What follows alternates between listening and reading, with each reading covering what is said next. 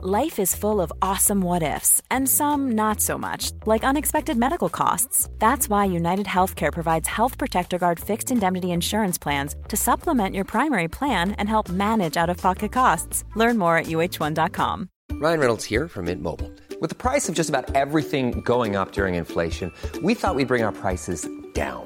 So to help us, we brought in a reverse auctioneer, which is apparently a thing. Mint Mobile unlimited premium wireless. Ready to get 30, 30, bit to get 30, bit to get 20, 20, 20, bit to get 20, 20, bit to get 15, 15, 15, 15 just 15 bucks a month. So, Give it a try at mintmobile.com slash switch. $45 upfront for three months plus taxes and fees. Promo rate for new customers for limited time. Unlimited more than 40 gigabytes per month. Slows. Full terms at mintmobile.com. I'm Sandra, and I'm just the professional your small business was looking for. But you didn't hire me because you didn't use LinkedIn jobs. LinkedIn has professionals you can't find anywhere else, including those who aren't actively looking for a new job but might be open to the perfect role, like me. In a given month, over 70% of LinkedIn users don't visit other leading job sites. So if you're not looking on LinkedIn, you'll miss out on great candidates like Sandra. Start hiring professionals like a professional. Post your free job on linkedin.com slash spoken today. Är du Sveriges vassaste EM-tippare? Nu har vi öppnat Fotbollskanalens EM-liga på resultattipset.se i samarbete med Betsson. Det är helt gratis att delta och i potten finns bland annat 25 000 kronor i fotbollsresor. Vi har även slängt in ett gäng fina priser i Fotbollskanalens egen liga. Utmana resten av Sverige eller skapa dina egna ligor tillsammans med polarna. Kika in på resultattipset.se och börja fila på din kupong redan idag. Åldersgräns 18 år för att delta. Stödlinjen.se. Skärpta straff för olaglig maskering. Läget är tufft. Det var en seger för Malmö FF, men en förlust för svensk fotboll. Sveriges damlandslag i fotboll är nu långt från nu krävs ett smärre mirakel. Det står fyra man som ska diskutera med mig frågor. Fy fan vad det är. Det är auf Wiedersehen till EM-slutspelet i Tyskland.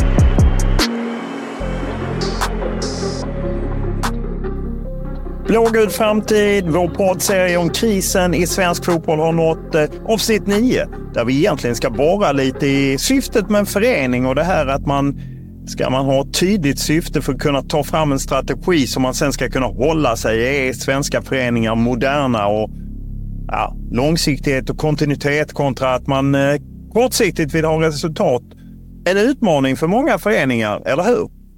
Ja, men det är klart. Eh, och framförallt med, med de eh, krav eh, som kommer för en modern förening, för en modern elitförening, för att det ska fungera på alla sätt och alla nivåer.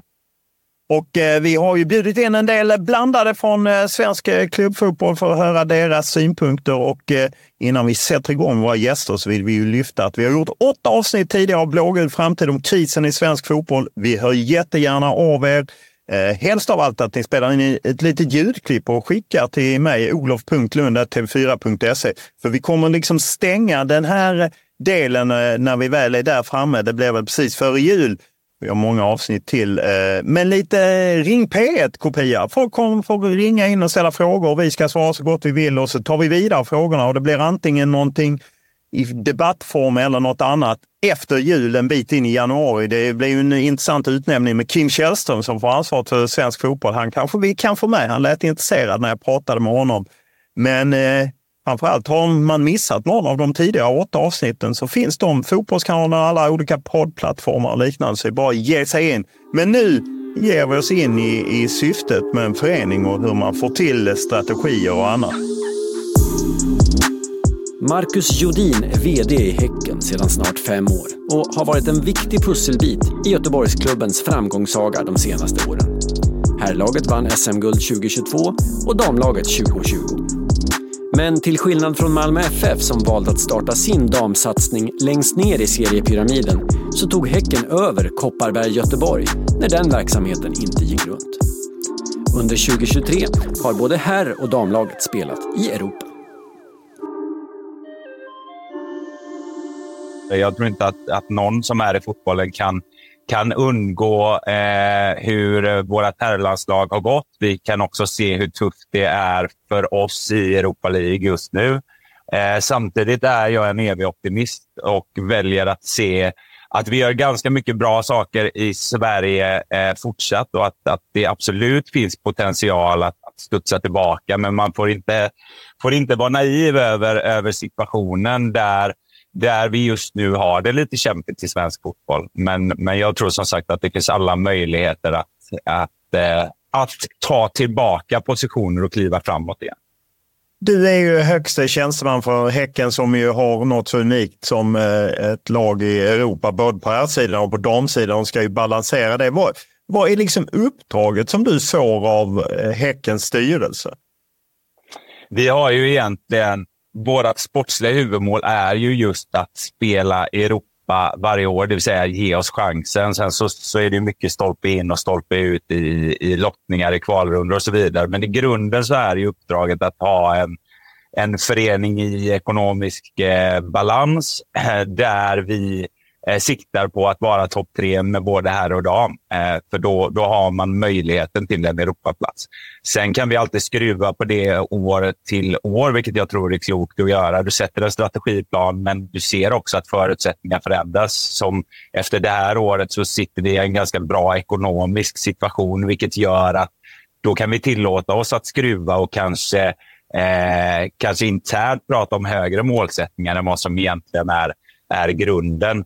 Eh, men i den typen av eh, förening som BK Häcken som har så många ben så är ju mitt uppdrag flera olika saker. Vi har ju eh, Gotia Cup som ni ju känner till. Vi har också tagit över driften för Partille Cup från Sävehof. Så vår evenemangsdel är ju en, en stor ekonomisk del där vi har separata målsättningar. Vi är också en stor ungdomsförening där vi har separata mål för det och sen har vi elitverksamheten. Eh, och någonstans i mitten så finns ju då eh, det kommersiella arbetet. Så det, det är en rad målsättningar och önskemål från styrelsen att, att vi ska uppnå. Så, att, så att det går inte att, att säga exakt vad det är, men om man ska landa i den, det sportsliga som någonstans blir det centrala i en fotbollsklubb, för det är ändå kärnverksamheten, så är det, så är det att vi ska, vi ska komma etta, tvåa, trea. Eller för herrarna så räcker det också att vinna kuppen om vi nu inte skulle komma etta, tvåa, trea. Då har jag gjort ett tillräckligt gott jobb för att få en julklapp och en klapp på axeln när året är slut. Du pratar om, om att ha olika ben att stå på. Många klubbar står och faller med spelarförsäljning eller europeisk kuppspel till exempel. Ni har ju det här extra benet med, med Gotia Cup och kanske nu också då Partille Cup. Hur viktigt skulle du säga att det är för, för sportslig framgång över tid? Eh, jag tror att historiskt sett så har det varit väldigt viktigt, för historiskt sett har det varit ganska stora pengar i en, en vanlig fotbollsomsättning. Eh, men det skulle nog snarare hjälpt oss mer och hjälpt oss förmodligen mer för tio år sedan än vad det gör idag. Vi har ju ett överskott på, om vi, om vi tar Gothia Cup, så har vi ett överskott någonstans på 15 miljoner årligen. Och satt i den stora ekonomin som fotbollen är just nu så är det självklart ett tillskott och någonting som är viktigt för oss och en stor identitet för oss. Men det är inte det som avgör vår framgång. Men det är klart att det ger oss en trygghet. Men 15 miljoner, eh, det är ju publikintäkterna för vissa lag på tre, fyra matcher kanske. Så, att, så att det, är, det är snarare allt det andra som gör att vi, att vi kan konkurrera på den allra högsta nivån. Men att ha vårt evenemangsben i grunden ökar ju på vår omsättning på ett bra sätt, vilket gör att vi kan bygga en större och mer professionell organisation än vad många andra klubbar har råd att göra. Eh, men rena pengar som läggs på spelare till exempel är trots allt inte, inte särskilt mycket eh, utifrån från det. Eh, om man ser till att eh, det är på något sätt väldigt enkelt om man är supporter, man håller på någon klubb, man vill ha, ha framgångar och så. Hur mycket tid lägger ni på ändå att ta fram liksom eh, ett, ja, ett syfte med föreningen och sen en strategi och, och liksom tydliga mål och följer upp dem? För känslan är ju att som det var förr i tiden var det liksom en stark man i en förening som drev på. Eh, ja, och vi har väl historiskt sett alltid varit ganska bra på att sätta strategiplaner. Eh, jag upplevde dock, jag har ju en historik i klubben innan jag lämnade och kom tillbaka till den här rollen. Eh, min bild, och det tror jag är många organisationer, att man jobbar gärna fram en strategiplan eh, och man gör det på chefsnivå och den ska godkännas av en styrelse så ska man få en applåd på styrelsekonferensen och sen åker strategiplanen in i bokhyllan. Eh, och den kan spreta åt alla möjliga håll, det vill säga att man håller inte ihop mellan avdelningarna. Eh, så att eh, fotbollsavdelningen eh, eller sporten kan sätta en plan och sen så sätter evenemang en annan och kommersiellt drar åt något helt annat håll. Där valde vi att göra ett omtag för några år sedan där vi hade en en ganska stor process i att ta fram strategin där alla var involverade, vilket är viktigt att man behöver förstå sin egen roll någonstans i helheten. Man behöver också förstå vilka prioriteringar som klubben har. Att det är okej okay att vissa avdelningar eller vissa uppdrag blir viktigare för helheten. Eh, och Det har vi satt ett ganska stort pris på och vi har valt att sätta av ganska mycket tid för att få en bra process i det. Eh, och Sen är jag personligen nörd eh, när det kommer till strategiplanen. För om du har satt ner din röda tråd, du vet vad du ska göra, du vet dina mål, du kan hela tiden stämma av mot det, så hjälper det dig att fatta beslut. För i, i alla verksamheter och kanske framför allt i fotbollen så ställs du hela tiden inför olika val. Eh, att Okej, okay, det kan vara alltifrån, ska vi ta den spelaren eller den spelaren? Ja, men svaret på de frågorna ska du, om strategiplanen är utformad rätt, då ska du kunna hitta de svaren där, vilket gör att du får snabbare processer, du får snabbare beslut, du känner en trygghet i att du följer dina röda tråd. Så att hos oss eh, så är strategiarbete och strategiplaner och att eh, löpande följa upp och prata om det en nyckel i, i vår framgång de sista åren. Det är jag helt övertygad om. Om man tar steget innan strategi så kanske det är mer eh, kopplat till identitet, föreningens identitet, stans identitet eller kopplat till föreningen så att säga. Och, och, att man då tar fram eh, stadgar i föreningen. Hur ser Häckens stadgar ut? Och arbetar ni efter dem eller är det korrigerat? Eh, jo, men det gör vi. Alltså, sen, sen stadgarna är ju eh, egentligen följer ju väldigt mycket det som RF någonstans har, har satt ner. Att det här är det här är vägen. Sen har vi vår, vissa identitetsmarkörer i den som blir väldigt tydlig för oss. Eh, så du har helt rätt i att det blir en viktig del. Och sen så i de flesta fall så blir det också någon slags kultur. Alltså man pratar om att det sitter saker i väggarna och sådär. Eh, och det gör det ju här och det gör det ju på, på många ställen. Så det, det, det någonstans blir också en del i, i ett identitetsbyggande och liksom vilka nyckelord Eh, är, är liksom grundläggande för vår verksamhet. Och hos oss så pratar vi till exempel extremt mycket om utveckling. och Det är ett ord som har funnits med sedan klubben grundades 1940. Där, där egentligen sedan starten så har ju eh, BK Häcken lagt stort fokus på saker som sker vid sidan av planen. Alltså vi pratar om Gotia Cup som föds, men också att vi, vi nu tar över Partille Cup. Men vi startar Gotia innebandy cup. Vi, BK Häcken driver tidigt på 50-talet Göteborgs första folkpark, Kulebacken. Man driver en teater, man driver en restaurang. Så det, det, har liksom hela tiden funnits ett fokus på, på att hitta vägar att finansiera fotbollsverksamheten och få in pengar till klubben. Vilket har krävt en, en, någon slags entreprenörsanda. Och det är någonting som sitter i väggarna. Och sånt kan vara, vara väldigt viktigt. Och det kan gå snabbt att bli av med det eh, om du inte underhåller det och någonstans lever det. Finns det någon spelmässig identitet som, som ni vill, vill liksom jobba efter och liksom bygga en strategi på? Ja, det gör det. Och där är ju eh, eh, Martin precis lika eh, nördig i planer och strategier som jag är. Martin Eriksson, ska vi säga, sportchef. Eh, så det finns en tydlig eh, tråd i det och hur det ska löpa från ungdom via akademi och hela vägen upp till A-lag. Att det ska finnas en sportslig identitet. För det blir också en, någon slags varumärkesmarkör. Det är ju genom vårt sätt att spela som, som vi blir någonting i åskådarnas ögon. Eh, det är ju det, den, det, är det bästa skyltfönstret någonstans att visa vilka vi vill vara. Eh, så det har ju funnits och det är väl kanske fotbollsmässigt någonting som, som föds med Peter Gerhardsson framför allt. Eller det blir väldigt tydligast att, att lyfta upp 2009 och han var här till 2016 och under de åren var också Martin Eriksson eh, lagkapten.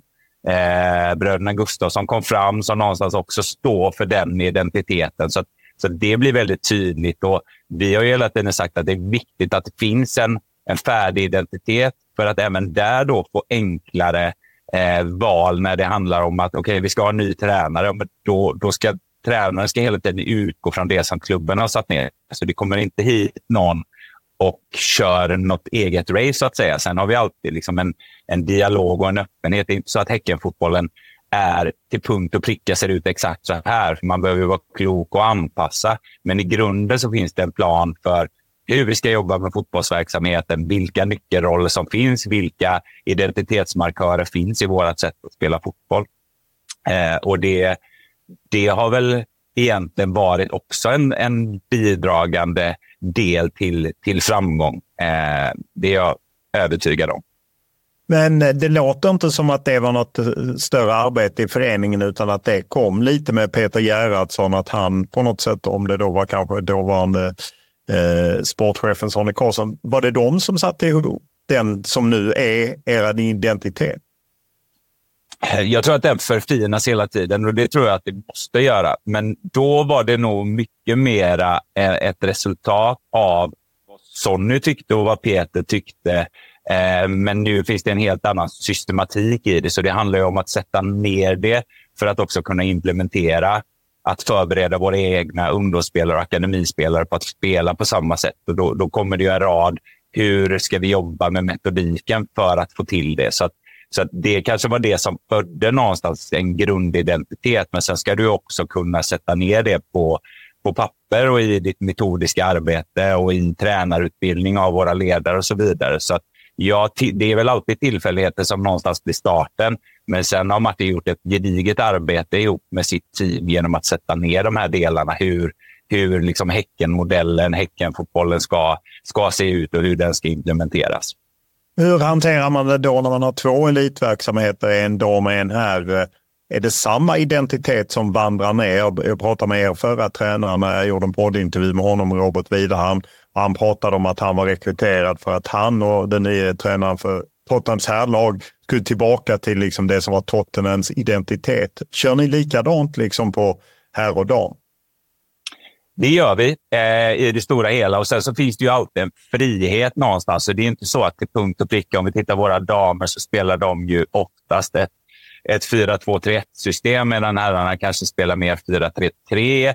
Men men någonstans grundprinciperna ser likadana ut. Så att det, det är liksom samma strategiplan om akademierna, akademilagen och ungdomslagen så jobbar vi enligt Häcken-modellen oavsett kön så att säga. Så att det, det, är samma strategi som gäller oavsett. Upplever du som har jobbat då i, i svensk fotboll via Häcken i, i ett par olika perioder, upplever du att att föreningar idag är modernare i just det här sättet med strategi och, och, och målsättningar och man utvärderar så. Rent generellt i svensk fotboll, har vi tagit kliv där? Ja, men det skulle jag absolut säga att vi har.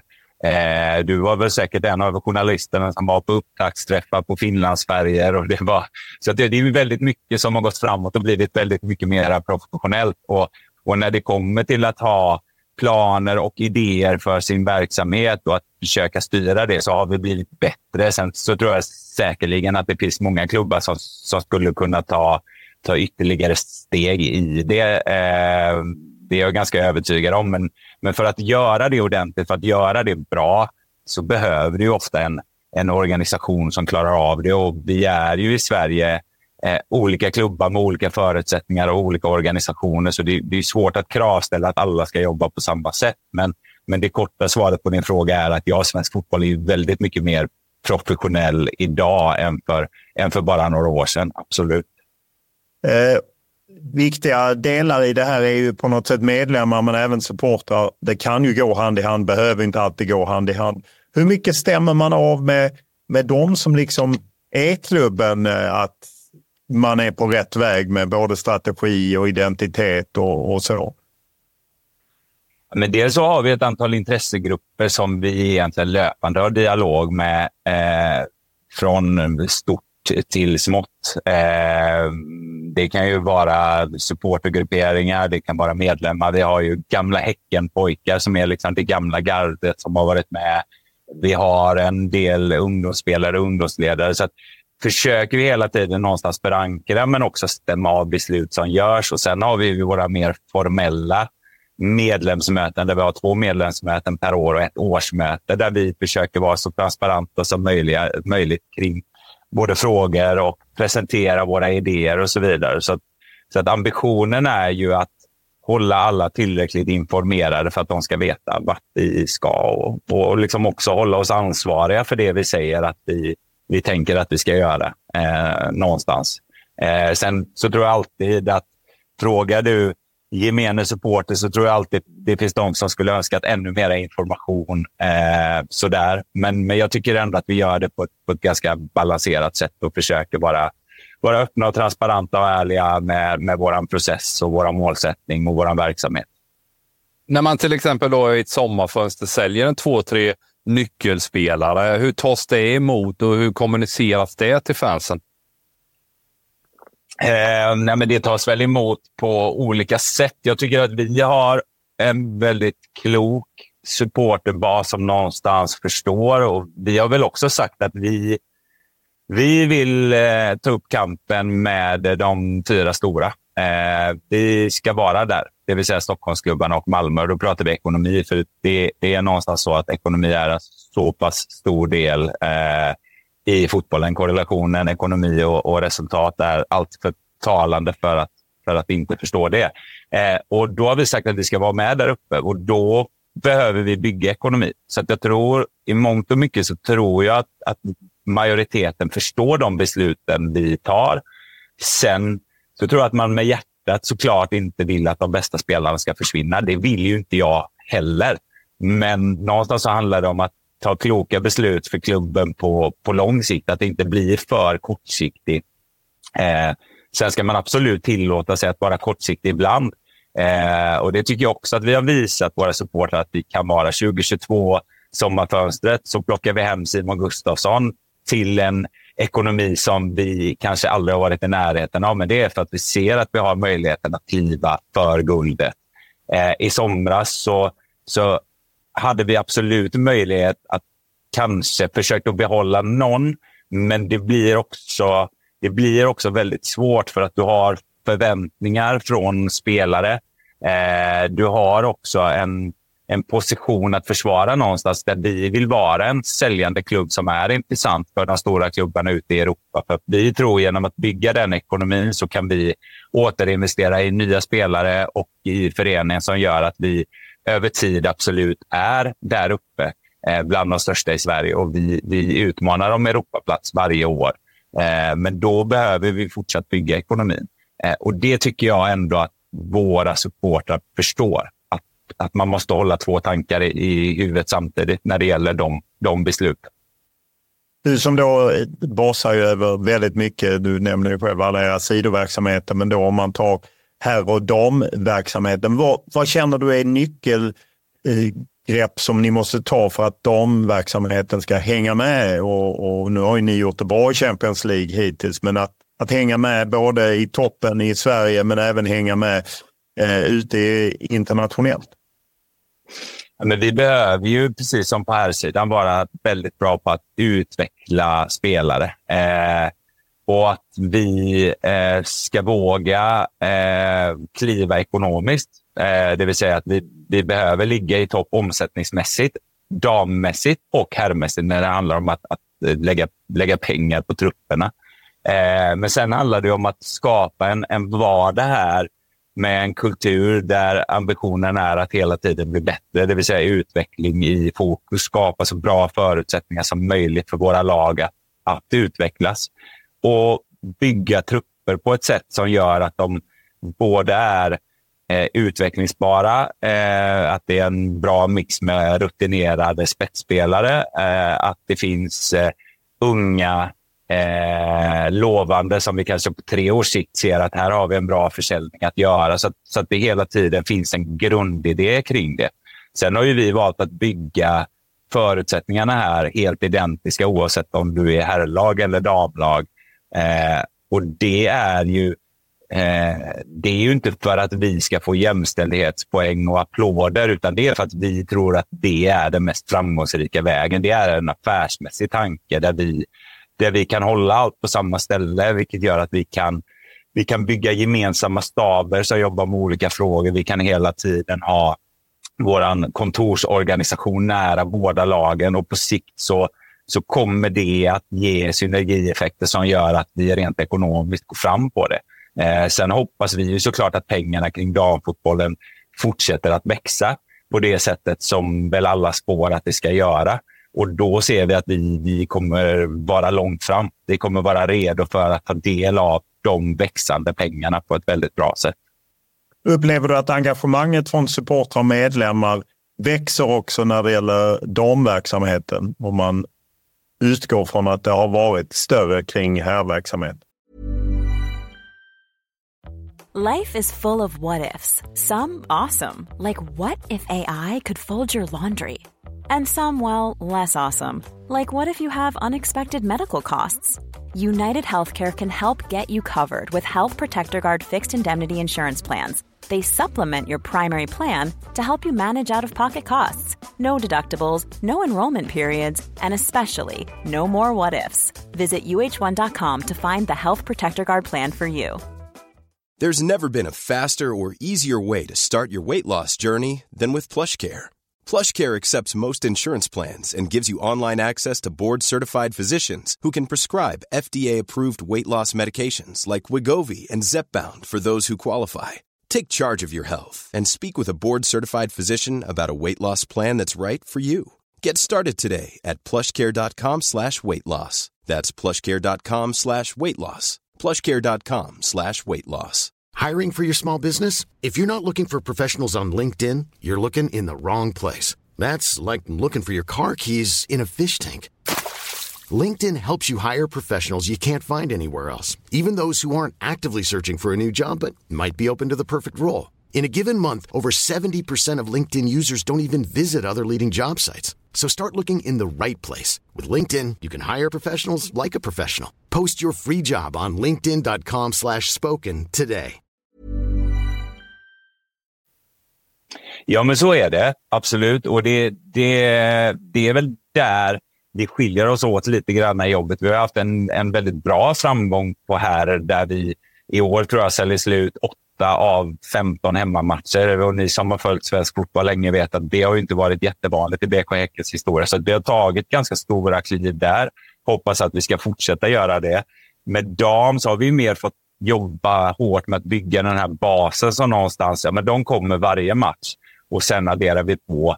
Eh, och vi upplever absolut att intresset ökar. Vi släppte våra årskort här för, för två veckor sedan och vi ser att intresset för dubbelårskortet, som vi kallar det, när man köper till både herr och dam, är, är jätte, jättehet produkt. Så det är många som vill ha den. Mot Real Madrid så är vi nästan 5 000 på plats. Vi, eh, den här, på förmiddagen här så sålde vi slut Chelsea-matchen som är 20 december. Så absolut att det finns ett växande intresse. Sen är inte vi nöjda med en snittpublik på, på 1000 åskådare som vi väl landade på, eller 11-1200 i år. Vi hoppas ju att den ska kunna fortsätta växa. Eh, men intresset växer, absolut.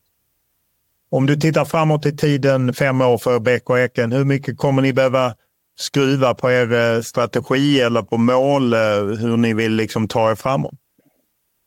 Eh, men det tror jag att man alltid måste göra. För att du sätter väl en strategiplan, sen så gör du någon slags handlingsplan för varje år, alltså taktiska prioriteringar. och Den, den behöver man uppdatera hela tiden för att, eh, för att omvärlden förändras och de egna förutsättningarna förändras. Eh, jag tror i grunden att vårt fokus på utveckling hoppas jag att vi ska kunna ha kvar.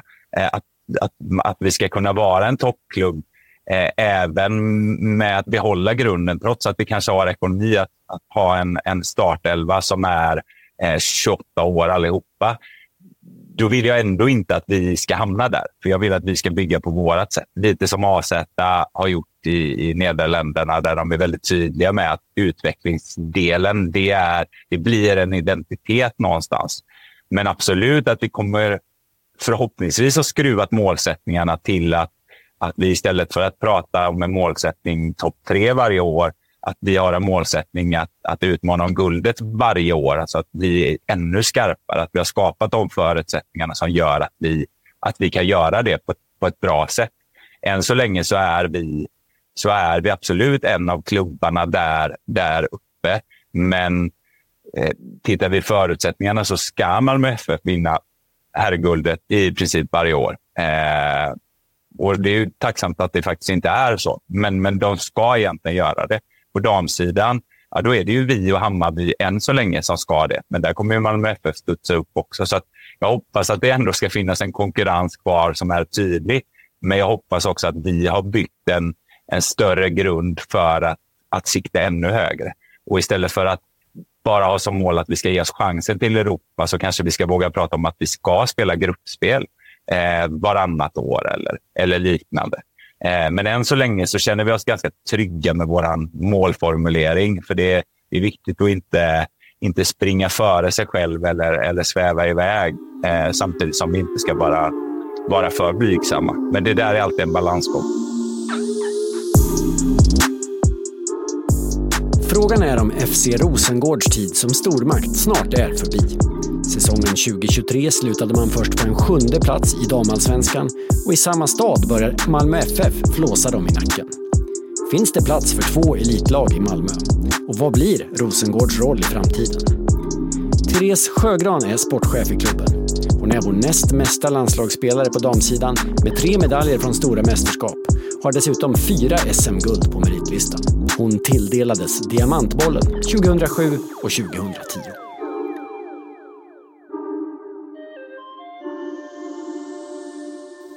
För mig känns det lite som att det är en dipp. Alltså vi, det är klart att på här sidan att det, det har sett sådär ut. Eh, damsidan eh, lite bättre. Jag menar världsetta är man ju eh, efter alla rankingpoäng och så vidare. Men det är klart att vi, eh, vi kanske inte är på den bästa platsen just nu. Eh, speciellt inte på herrsidan.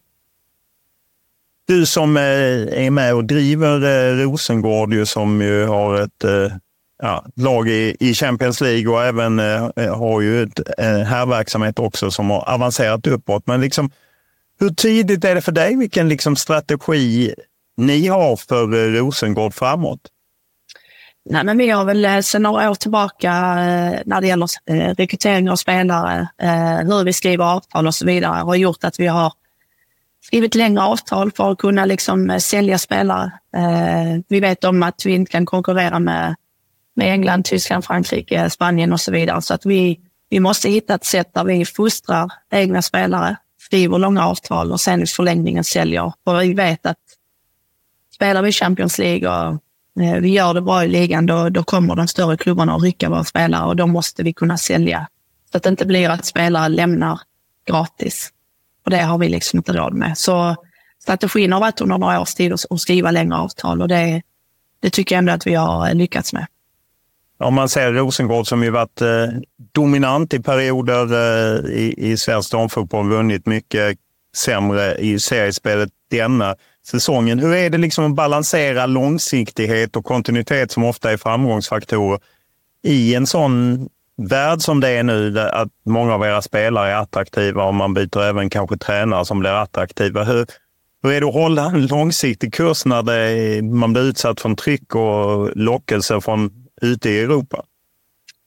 Ja, det är klart att det är en utmaning och det är, det är också väldigt svårt för att vi, vi vet att vi har kvalitet i våra spelare och vi, eh, vi kan sälja dem. Men det spelar egentligen ingen, så, ingen stor, stor roll hur mycket pengar vi får från spelare. Och att kunna hitta samma kvalitet igen är jättesvårt. För de spelarna går oftast inte till svenska ligan längre. Eh, så att, eh, att hitta en kontinuitet och, och allt i ett lagbygge är väldigt, väldigt svårt. Eh, det var mycket lättare för och då vill också stora spelare komma hit. För det är en utmaning. Eh, och det gäller inte bara mot utlandet utan det gäller även mot de här klubbarna som, som har eh, herrlag, som Häcken, Hammarby och så vidare. Det är, det är också en jätteutmaning. Varför ska en spelare välja oss? När de kan spela i Häcken och ha de förutsättningar som Häcken har på sin träningsanläggning och så vidare. Så vi, vi måste hitta vårt sätt och utnyttja den kunskapen som vi har och de, eh, vad ska man säga, den vinnarmentalitet och allt det som vi har i klubben. Um, så det är en absolut en utmaning. Ni har ju varit detta i Malmö här. Nu, nu stormar MFF fram på damsidan. Uh, hur ser ni på det och hur ska ni anta den utmaningen? Ja, absolut. Det, det har varit ett samtalsämne under många år, eller egentligen sedan Malmö startade sin dam och flickverksamhet. Ehm, men igen så, jag tror det blir farligt om man hela tiden så här, vad gör MFF, vad, vad gör de nu? Utan vi måste hitta vår identitet, vad vi ska göra, för vi kommer aldrig konkurrera ekonomiskt. Då måste vi hitta vår väg som jag sa innan, använda med den kunskapen vi har. Och de kommer alltid vara störst. Men vi har varit bäst under så många år och då måste vi dra nytta av det. Och vi har, en, vi har fortfarande ett försprång. Även om vi har misslyckats i år så vet vi också vad vi behöver förändra. Och vi har varit väldigt, väldigt kritiska internt. Så, eh, men att de har startat flick och damfotboll, det tycker jag bara är bra. De är Sveriges största förening så att de har fotboll för, för båda könen, det tycker jag är helt rätt. Ja, om man vänder på det, vad är fördelen att Malmö FF eventuellt skulle gå upp i allsvenskan för er del? Nej, men de utmanar oss, i, som ni sa, i Malmö och i, och i Skåne på ett helt annat sätt. Eh, det är mycket, mycket större konkurrens om, om yngre spelare, eh, talanger och så vidare, där vi måste vara mycket mer offensiva än innan. Vi har ju bara kunnat liksom luta oss tillbaka och sen när alla spelare kommit hit har de inte funnits så många alternativ. Men nu lockar ju Malmö med något annat. Malmö FF som klubbmärke, som, som förening, det är ju Malmös lag. Så vi, vi måste ju också tweaka på saker och göra saker annorlunda. Så de utmanar oss också på, på ett sätt som är, som är positivt. Förutom det du säger att vi måste utbilda spelare och skriva långa kontrakt och så, vilka andra punkter är det ni behöver liksom vässa för att kunna utmana eller mäta er med Malmö FF framöver? Nej, men jag tror inte det bara handlar om fotbollen. Liksom, vi måste hitta vår, vår identitet eh, i stan. Eh, alltså Malmö är ju ljusblått, så är det. Och hur ska vi hitta vår vad ska man säga, klientell som kommer till våra matcher? För jag vet att hela stan är intresserat av vad vi gör. Men hur får vi dem till Malmö IP? Om du är och redan går på Malmös match till exempel. Um, så det är ju liksom, hur kan vi göra FC Rosengård tillräckligt unikt för att folk ska komma hit? Så det är någonting som vi hela tiden måste jobba med. Och det gäller mot sponsorer, det gäller mot uh, um, ungdomar och vi har ju massa sociala verksamheter som vi också trycker ut. Så igen, vi måste göra det på vårt sätt. Vi kan inte negla över, uh, över parken här. Hur viktigt är det med en spelmässig identitet när det kommer till rekrytering? Jag menar, eh, ta BK Häcken på här sidan står för jätteattraktiv fotboll. Enklare att rekrytera nya spelare. Är det lika viktigt att man har den typen av attraktivitet på damsidan? Utan tvekan skulle jag säga. Alltså vi, eh, vi vet ju vad vår identitet är och det är någonting vi också säljer. Um, på det sättet vi vill spela. Vi vill äga boll, vi vill kontrollera matcherna. Vi ska ha bollen hela tiden. Och när vi inte har den så ska vi vinna den direkt. Så det är klart en sak som vi säljer in. Eh, som spelare ska också förstå vad det innebär att komma hit. Det kommer krävas väldigt mycket av den personen. Eh, och då kunna sälja in vår spelidé och hur vi vill spela. Det är klart att det är viktigt. Så absolut är det en del som vi, eh, som vi trycker på. Hur eh, väl tycker du att det sitter ihop från liksom föreningens årsmöte ner till styrelse, ner till ledning där du är med? Det var en svår fråga. Eh, nej, men det är klart att det kanske inte alltid sitter ihop. Alltså vi, vi, vi är en del här, vi som är på golvet. Och sen har vi eh, en, eh, en ledning och sen har vi en styrelse.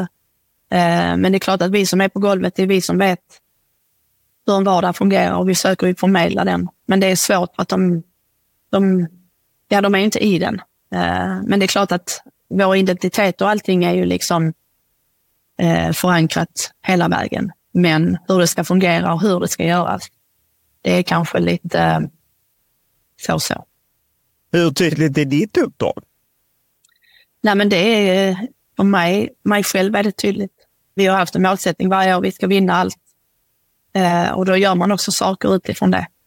Och det kostar oss en hel del. Eh, så för mig har det inte funnits några tveksamheter. Upplever du att det finns någon dragkamp mellan att man på något sätt är en förening och den är ju styrd av och ägd av medlemmar och föreningsdemokrati. Samtidigt så måste man också vara lite kommersiell för att man verkar på en kommersiell marknad oavsett eh, sponsorer och ja, i förlängningen även medierättigheter och liknande. Hur, hur upplever du att den dragningskraften är? Ja, det är klart att jag kanske inte märker av den så jättemycket själv, men det är klart att vi ja, vi, vi är föreningsstyrda, men samtidigt som du säger, vi har, vi har många stora sponsorer som vill, som vill sitt.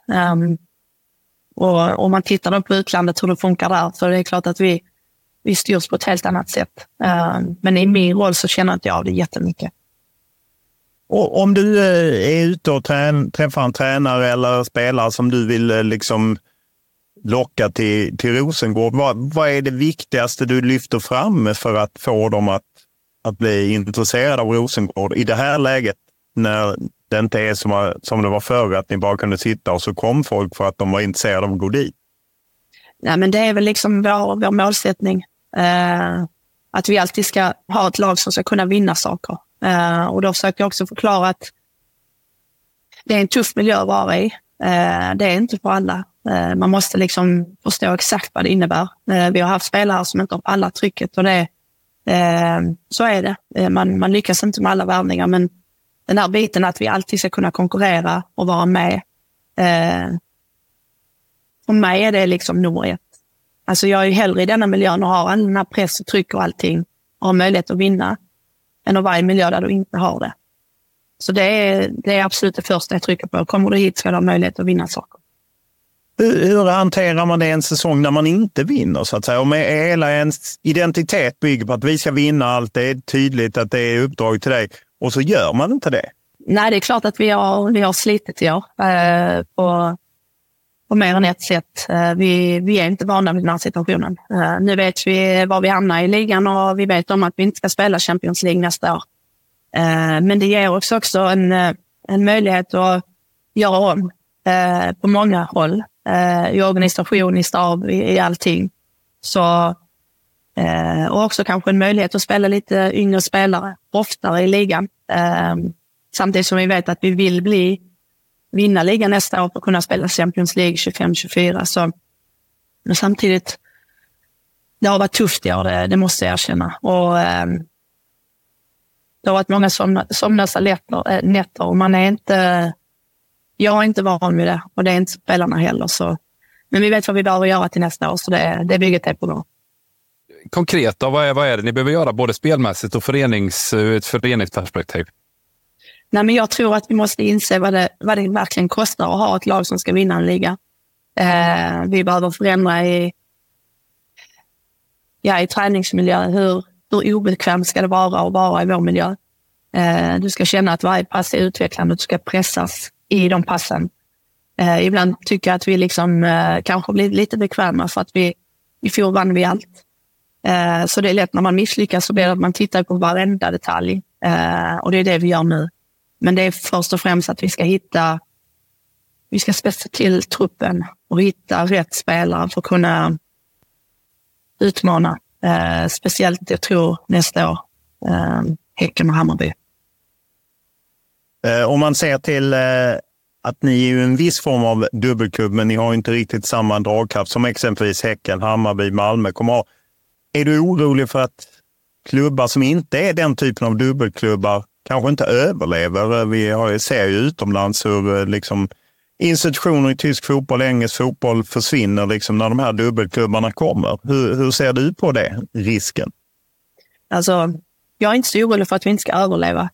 Det är väl mer om vi har möjligheten att vara med och fightas om, om topplaceringarna. Um, jag är inte orolig att vi kanske kommer kunna göra det två, tre år framåt, men sen. Um, det är väl kanske lite oro i det, men uh, samtidigt så om MFF går upp i damallsvenskan, vad innebär det? Var kommer vi hamna liksom i näringskedjan? Men än så länge är vi inte där så. Vilka internationella klubbar och kanske till och med landslag inspireras ni av och tar ni eh, inspiration av för att kunna vässas eh, ytterligare? Nej, men om man tittar på ligor så tycker jag ju England gör någonting eh, riktigt bra. Alltså både som liga och de lagen som är i, i toppen där. Ehm, um, men när jag skulle säga inspiration till hur man ska spela och så vidare så tittar jag väldigt mycket på, på Barcelona till exempel. Uh, nu möter vi dem uh, två gånger här innan, innan jul, um, vilket kommer att bli en superutmaning.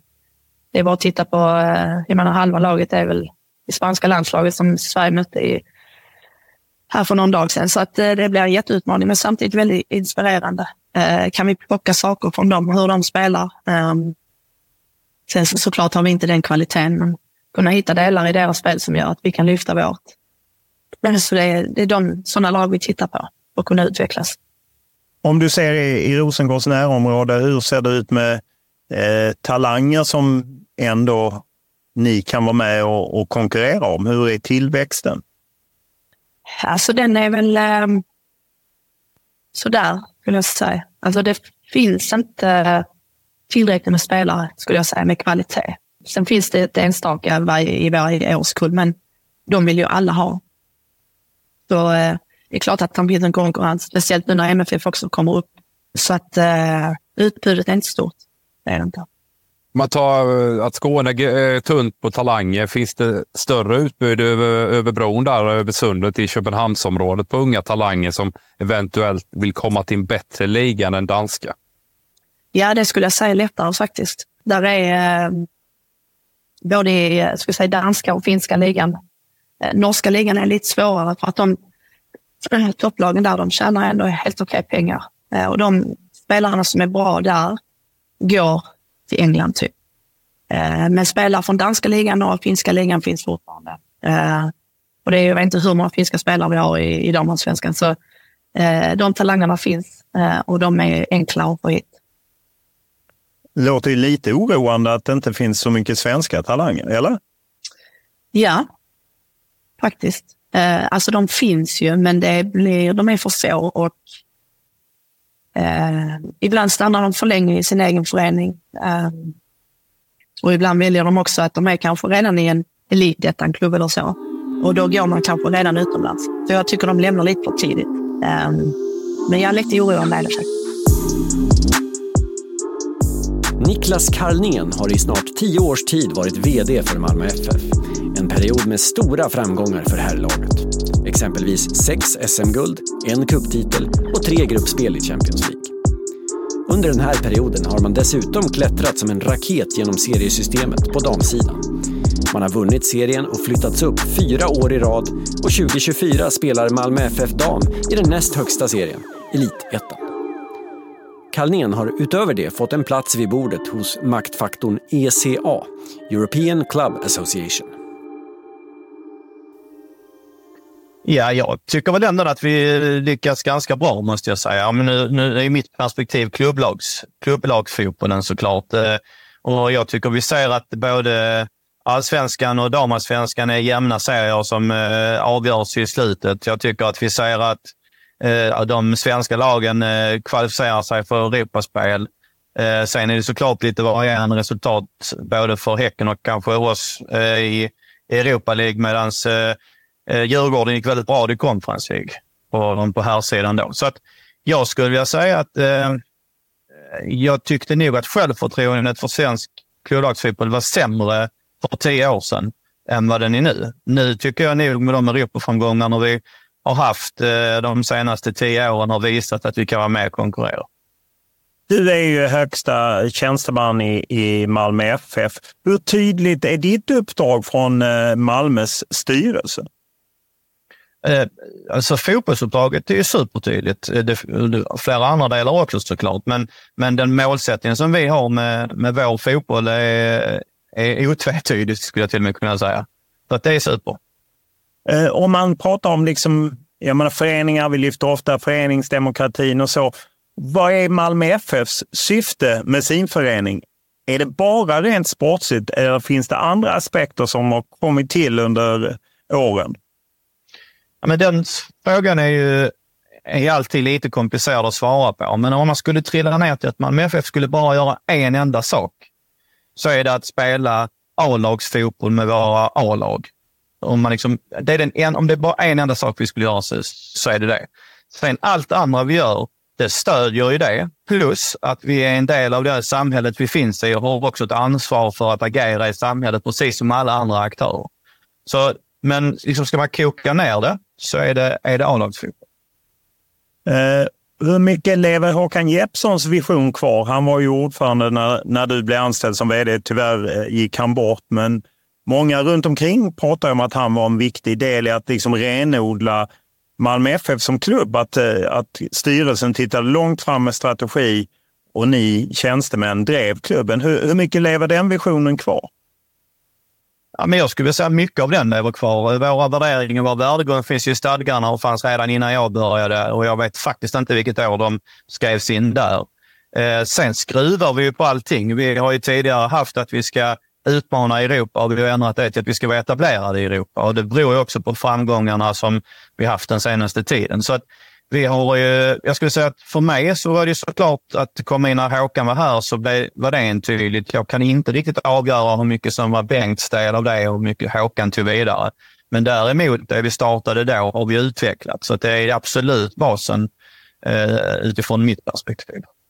Hur väl sitter det ihop i föreningen? Från årsmöte till styrelse till ledning och att ni ska eh, på något sätt driva verksamheten under året och med kontakter med alla olika intressenter? Jag tycker det är en väldigt tydlig tråd. Eh, hela vägen.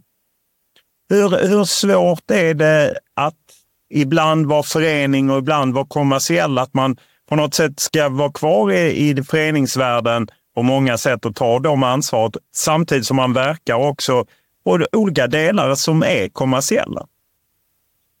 Ja, men jag skulle nog vilja säga att det inte är så komplicerat. Ehm, men det beror väl också på att vi har hittat en bra väg eh, i hur vi agerar. Vi har ju både föreningen men sen har vi också vårt eh, MFF Event AB som, och sen har vi stadion. Så att vi, vi har ju hela tiden varit en eh, hybrid i det kan man säga. Även om allt sportsligt och, och allt som är relaterat till fotbollen finns kvar i den allmännyttiga ideella fotbollsföreningen. Så att eh, för oss, jag upplever inte det speciellt svårt. Går det att driva en elitklubb då utan en damverksamhet? Utan en damverksamhet? Ja, för mig är det självklart att vi ska ha både och. Sen kan man säkert driva det, men, men jag förstår inte varför man, inte, varför man skulle göra det. Eh, nej, jag, jag, tänker mer på damverksamheten som en helhet. Att, att både herr och damverksamheten sitter ihop mer och mer. Eh, visionen framåt för damverksamheten, hur ser den ut? Den är samma som herrarna. Eh, så att vår vision är inte annorlunda utan att det är att vara bäst i Sverige, ledande i Norden och etablerad i Europa. Ehm, så, den är exakt samma. Och hur ser den, eller hur långt fram i tiden ligger den planen så att säga, innan ni är på plats där? Ja, då har vi ju Elitettan nästa år eh, och då trodde vi kanske jag att vi skulle ha det lite tuffare i division 1, men det hade vi inte. Eh, så det finns ju en möjlighet för oss att gå igenom elitettan även om det kan vara, jag tror att det är mycket svårare än division 1. Eh, det kan bli så att vi kanske behöver ta ett år, men min förhoppning är att vi, att vi kommer upp i damallsvenskan. Sen behöver man nog något år för att etablera sig på den absoluta toppen av eh, damallsvenskan, för den är ändå väldigt spetsig. Och sen så i nästa steg så ska du då konkurrera internationellt. Så att det är väldigt svårt att säga någon exakt tid, men jag skulle ju nog säga eh, tre till fem år kanske. Finns det någon procentsats mellan dem och här vad det gäller liksom spenderade lönekronor som ni har satt upp internt? Nej. Så det kommer eh, skilja mellan damer och herrar, men, men Ska det jämlika eller ska det samställas eller hur stor skillnad får det? Nej, alltså vi säger så här att det ska vara samma förutsättningar, det vill säga träningsförutsättningar, lokaler, allting runt omkring. Det ska vara de samma, men lönerna kommer inte att vara de samma. Hur är det att, att på något sätt få in eh, verksamheter ihop om ni strävar efter det? Och vi vet ju att Häcken har ju, liksom, har ju en träningsanläggning där de har bägge lagen och att de, de pratar positivt om eh, vad det ger. Hur ser er vision när det gäller herr och damlag framåt? Ja, här är en stor utveckling av stadionområdet, så vi är ju jag skulle säga, ständiga dialoger med Malmö stad där man kommer att bygga den här multihallen närmst Pildammsparken. Man kommer att riva gamla stadion och bygga en ny arena, en, en fotbolls och friidrottsarena eh, med lite lägre kapacitet. Och då finns det möjlighet för oss kanske att se till att där blir en, eh, en, en, en vad ska jag säga, eh, lokaler, både omklädningsrum, gym och allt sånt som behövs för för elitverksamheten och då är det kanske damlagen och våra äldsta ungdomslag. Därför att idag på Leda stadion har vi egentligen bara två, tre omklädningsrum. Eh, så det är ju mer som en matcharena, men det är också herrarnas hemma, eh, hemomklädningsrum. Så att, men samma förutsättningar, samma ytor som herrar för damer och då tror vi att det är, är tuff kvalitet. Går man långt tillbaka i tiden innan du kom in i föreningen så skilde man ju bort om verksamheten Eh, lite paradoxalt nog jobbade ju du där när den hette Rosengård eh, innan du kom till Malmö FF som ju är Malmö FFs gamla damverksamhet. Var tror du det svängde? För att eh, rätt många år var det ändå en skepsis till att ta in en damverksamhet i Malmö FF. Vad var det som gjorde att det svängde och varför är det viktigt för Malmö som förening? Men jag, det, det, är faktiskt till och med så att jag började en gång som målvaktstränare i Malmö FF Dam 2006 och var med i första transformeringen fast i rollen som, som målvaktstränare då. Eh, men jag tror nog att eh, i den tiden som fanns då, så de lagen som var framgångsrika, så var man ju eh, det var, den ens, alltså det var det bara damfotboll. Det var ju Umeå och sen var det då LFC som blev FC Rosengård. Och det var de klubbarna som, som lyckades bäst, både internationellt med eh, Potsdam och allt vad nu, de tyska klubbarna med flera. Ehm, sen så tror jag att eh, där fanns en saknad på, på eh, alltså i Malmö FF eh, efter att få tillbaka dem. Vi hörde det från våra medlemmar när det gällde att flickorna inte hade samma möjlighet som pojkarna att faktiskt bli en del av föreningen. Och jag tror det växte och man kände att det andra beslutet var kanske inte helt rätt. Och baserat på det så tog man ett nytt beslut. Eh, vad är svårast med att liksom eh, bo bolla bägge de här två verksamheterna? För du, jag menar, det är ju tydligt att ännu så länge tar ju inte de in lika mycket pengar, vilket säkert speglar sig att lönerna kommer vara olika och kommer vara så över tid. Men vad, vad är det som är utmanande för dig som vd när det är två verksamheter som konkurrerar på det sättet om resurser? Jag skulle vilja säga tvärtom. Det är massor med möjligheter för de synergieffekter som vi ser nu med allt ifrån eh, stödfunktionerna runt omkring, alltså Eriks restaurang, kommunikationsavdelningar, ekonomi, eh, fysiodelarna. Alla de är ju så mycket större än de problem som uppstår. Så jag tycker att vi har ett, en helt annat momentum, fart, när vi bygger upp det här. Sen kommer det alltid, framför allt nu så handlar det om lokalfrågan. Därför att jag, är, jag har en oerhört stor oro över att vi inte kommer ha tillräckligt professionella lokaler tillräckligt snabbt. Därför att stadionområdet utvecklas inte i den hastigheten som vi skulle vilja. Och då är frågan om vi behöver hitta tillfälliga lösningar innan det är klart. Eh, man kan ju säga att fotbollen under 2000-talet har blivit eh, mer professionaliserad, eh, inte minst på tjänstemannanivå och så. Att det finns större ledningar och staber och liknande. Ni har ju många anställda. Om du tittar tillbaka under de tio år du har varit vd för Malmö, hur mycket större har ni blivit och professionellare? Bara på sporten tänker du? Ja, nej, jag tänker hela föreningen. Ja, föreningen har ju växt enormt, men det är också för att vi har tagit över food and beverage-verksamheterna, utökat eh, eh, stadion, alltså fastighetsdelarna och sådär. Så att eh, den är väl inte helt jämförbar, men vi har kanske dubblat sedan dess. Men då är det också tillkommande som jag sa precis. Och hur påverkar det ditt uppdrag? Ja, men det betyder ju att eh, tidigare så kunde jag ju leda direkt alla. Nu måste jag leda genom andra mycket mer än vad jag gjorde tidigare. Så för mig är det den stora skillnaden. Men sen mål och vision och, och våra värderingar, de är, är mycket, mycket detsamma. Om det blåser till att eh, till exempel när eh, ni från ledningsstyrelse ville gå ihop med LDB var det väl, eller det kan blåsa till om någon tröja eller något sånt eh, och medlemmar, supportrar reagerar. Hur, hur väl ni, hanterar ni det som förening? Men jag tycker att vi gör det ganska så väl. Alltså, eh, jag känner att mitt uppdrag är, vi vet att om vi nu är bäst i Sverige för tillfället på här sidan så vet vi att andra jagar oss. Då vet vi att vi måste testa nya saker för att vi ska vara kvar eh, längst fram. En del av de sakerna kommer att falla väl ut, andra kommer inte att falla väl ut. Men så länge vi lyckas oftare än vad vi misslyckas så tror jag att vi kan behålla den tätpositionen. Men vi måste vara på tå hela tiden. Sen samtidigt ska vi parallellt med det vara lyhörda. Men jag tycker att vi har ett ansvar att, att föra fram saker som vi faktiskt tror på. Och sen vid de tillfällen som, som det är större saker, till exempel eh, LB-sammangåendet som, som vi hade uppe som förslag, då är det inte mer än rätt att det är medlemmarna som, som säger sitt man tittar på här sidan och, och, man vill etablera sig ute i Europa. Hur mycket mer behöver ni spendera på lönekostnader framåt? Eller är ni på en nivå nu så du tycker att vi, vi ska kunna konkurrera och etablera oss och vad är, gå vidare från Europa League-gruppspel eller Conference League-gruppspel? Finns det någon typ av siffra, man, någon målbild där vi måste dit för att kunna etableras på den nivån? Jag tror faktiskt inte att det är det första steget. Jag tror det första steget är att vi skulle hanterat matchkalendern lite annorlunda så att man hade kunnat använda de spelarna vi har att få lite mer luft i systemet. Eh, det tror jag är faktiskt avgörande, framförallt under kval perioden, men också till viss del under, under gruppspelet. Som det är nu så slutar serien i, i början på november, eh, men man vet att man spelar Europagruppmatcher in i december. Och från och med nästa år så vet man att om man spelar Champions League eller Europa League så gör man det in i januari. Och det är klart att har vi inte tävlingsmatcher på två, tre månader så kommer ju formen vara svårare än vad det är mitt, mitt i säsongen. Så jag skulle nog vilja säga att det är en större utmaning.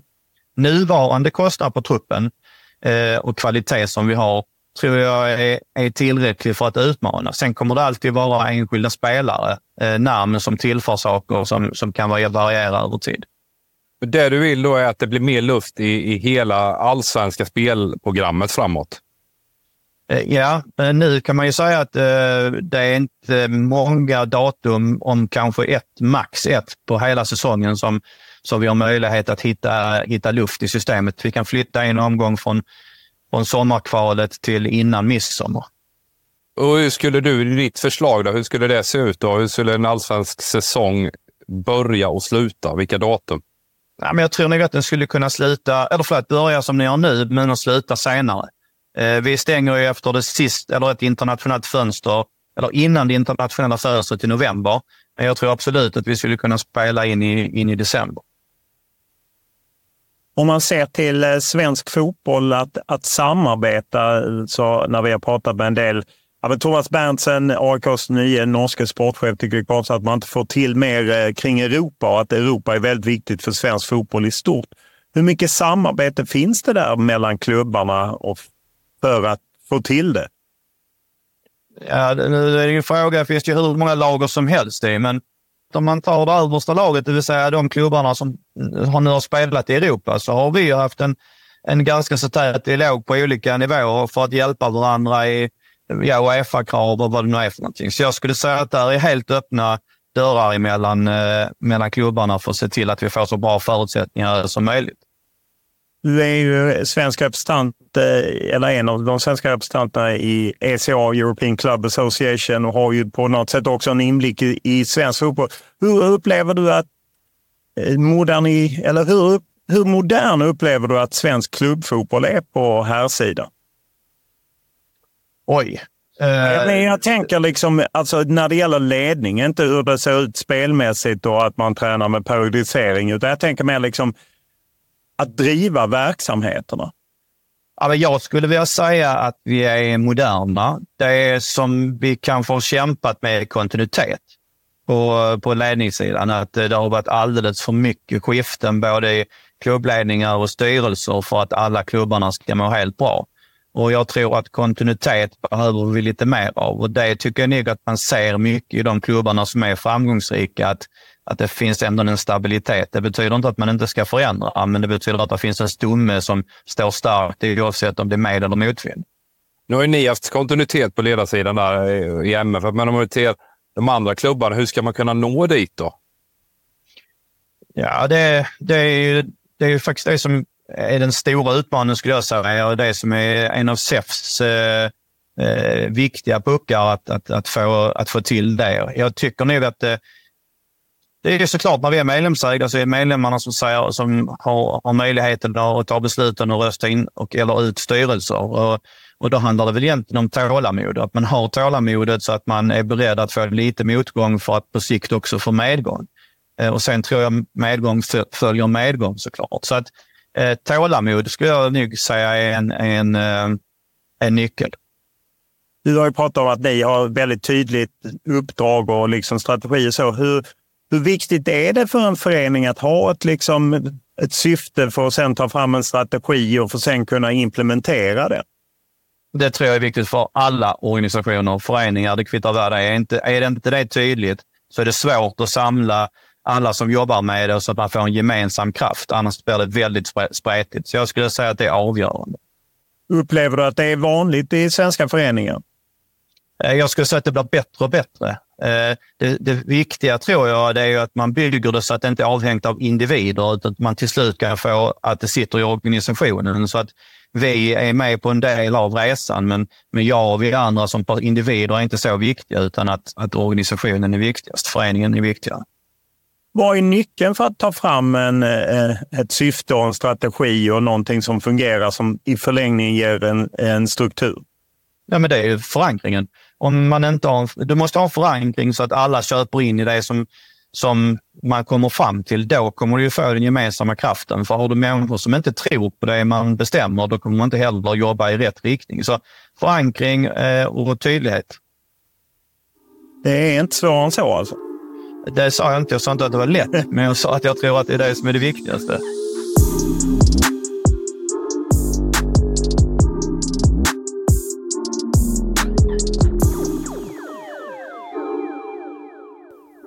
Ja, där har vi lyssnat på Therese Sjögran, Max Odin och Niklas Carlén. Vad är det någonting speciellt som sticker ut för dig?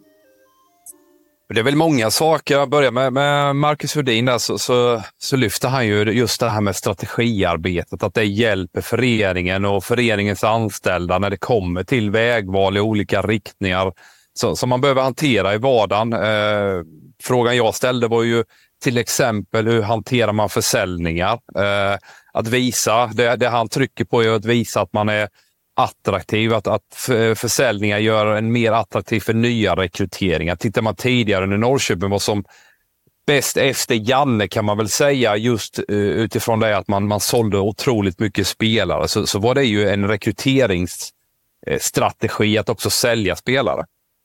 Jag tycker det var intressant att höra alla tre för att de ändå var tydliga med att de försöker liksom eh, snickra fram något eller har verkligen jobbat med att få fram liksom det här är vad Rosengård står för eller Häcken eller Malmö FF. Att man liksom ja, men håller den långsiktigheten och, och att, att svensk fotboll på många sätt ju, eh, vi pratar framförallt om klubbar ju nu här, eh, eller föreningar, att de har blivit modernare, att de har liksom tagit sig till det som innan kanske lätt var en, en stark man som la sig allt från hö, högt upp till långt ner är ju inte så längre och, och hur vi har sett hur både Häcken och, och, Malmö växer, men även Rosengård har ju samma sak. Att, eh, att man måste liksom få till det här att eh, det ska sitta ihop.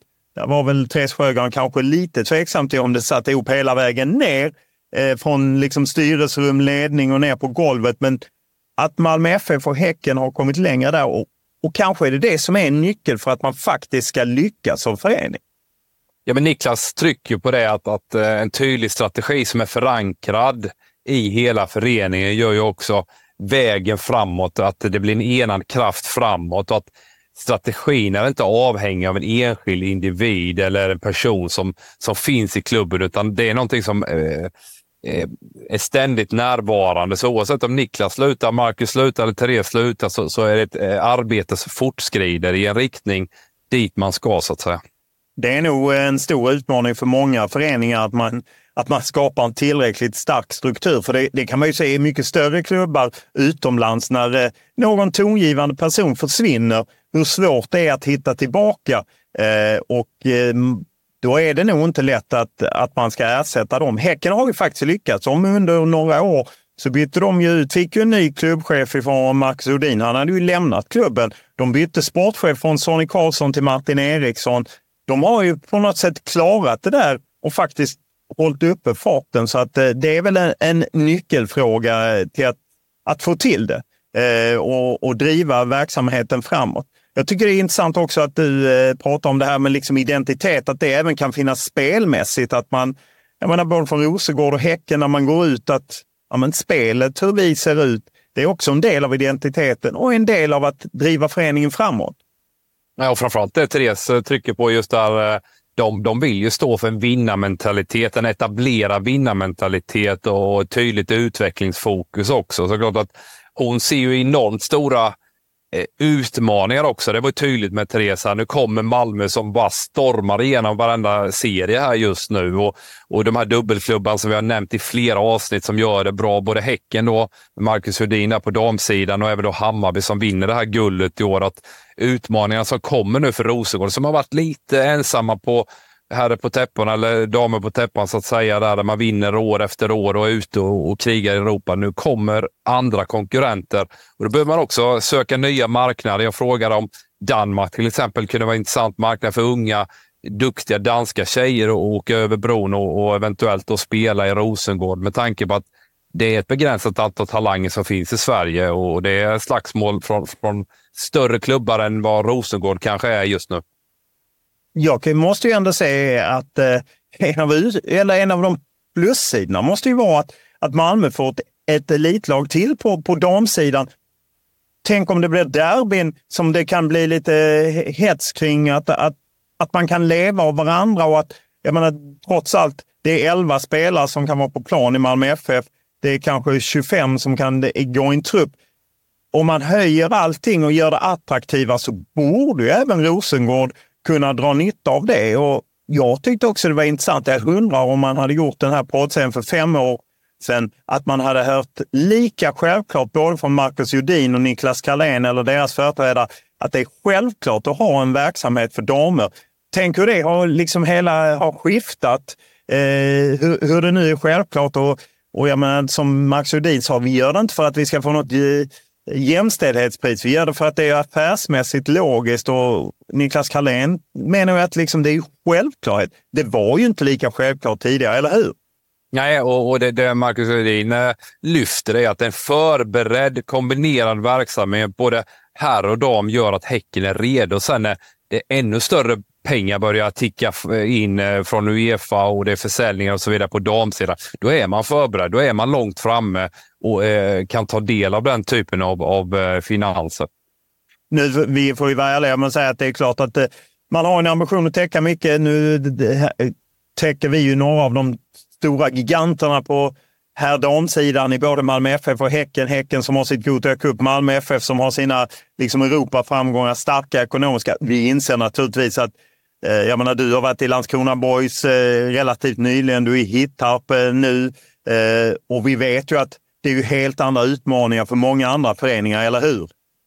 Ja, och, och framförallt det är klart att det, det, kartan och spektrat är otroligt brett i, i svensk fotboll. Men jag tycker det är extremt intressant att höra Niklas Garnel. Han sitter längst upp i den absolut största klubben. Eh, och för mig, när jag tittar utifrån på Malmö FF, så när det kommer till krishantering så är de överlägset bäst i klassen. Eh, de har haft sin beskärda del av eh, en hel del strul. Penja senast nu när han fyllekörde. Vi hade Sarfo-soppan och hur man hanterar jobbiga situationer där med ett statement och sen vill man släcka brasan och inte komma med massa nya saker. Det är för mig också en, en läropeng och någonting att ta, ta, ta, ta lärdom av från, för, för andra svenska klubbar. Hur de har hanterat jobbiga situationer. Inte bara det att de har en massa pengar och allting är kul hela tiden.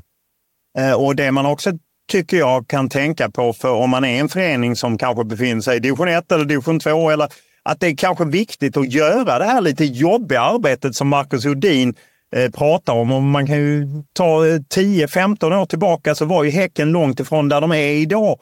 Men att eh, ha det här, att liksom få en långsiktighet, att få ett syfte med föreningen. Vad är liksom, om vi tar Lunds BK, jag är uppvuxen i Lund, Lund eller Habo där du är ifrån, att liksom vad är syftet för föreningen just här och nu? Hur ska vi ta fram en strategi för att nå det? För det måste man ha på oavsett vilka ekonomiska resurser man har Kanske behöver man också skruva på, som i Rosengårds fall, verkligheten förändras. Vi behöver ändra på vår strategi. Vi måste ta fram ett nytt syfte, jobba fram en strategi för att liksom leda den här vägen framåt. För jag kan ofta känna att när jag stöter på äldre föreningar som är en bit ner i C-systemet, att i alla tider har herrarnas A-lag varit det viktigaste. Det är det ju inte längre. Eh, och det är många som har moderniserat sig, men fler i svensk fotboll behöver modernisera sig och, och jobba igenom det här.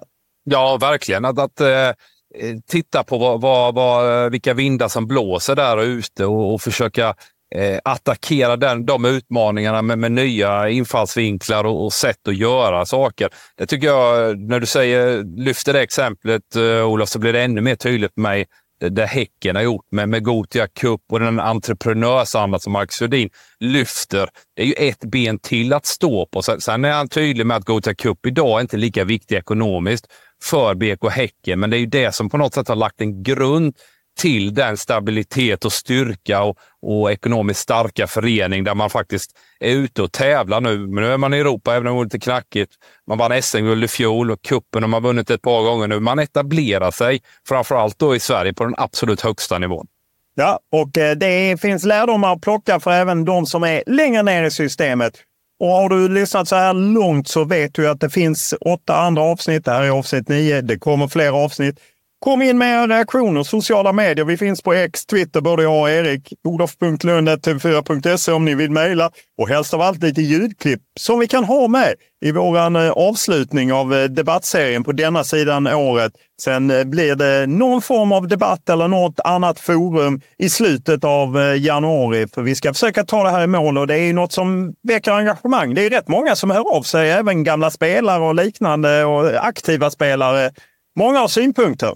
Nej, men verkligen. Det är jättekul. Engagemanget är otroligt stort här och många som brinner för svensk fotboll och, och vill göra skillnad.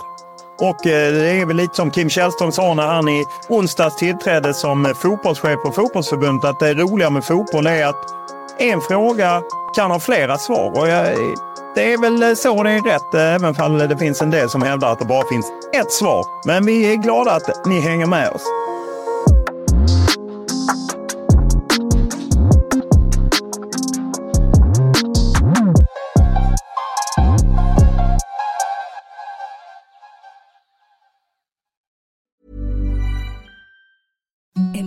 Peace softest sheets you've ever felt. Now imagine them getting even softer over time. That's what you'll feel with Bowl and Branch's organic cotton sheets. In a recent customer survey, 96% replied that Bowl and Branch sheets get softer with every wash. Start getting your best night's sleep in these sheets that get softer and softer for years to come. Try their sheets with a 30-night guarantee. Plus, get 15% off your first order at bowlandbranch.com. Code BUTTERY. Exclusions apply. See site for details.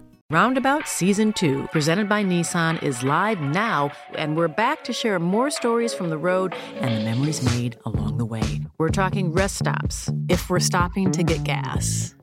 You will be timed. Misguided plans. I grew up in the city, so I have like, you know, a healthy fear of real extreme darkness.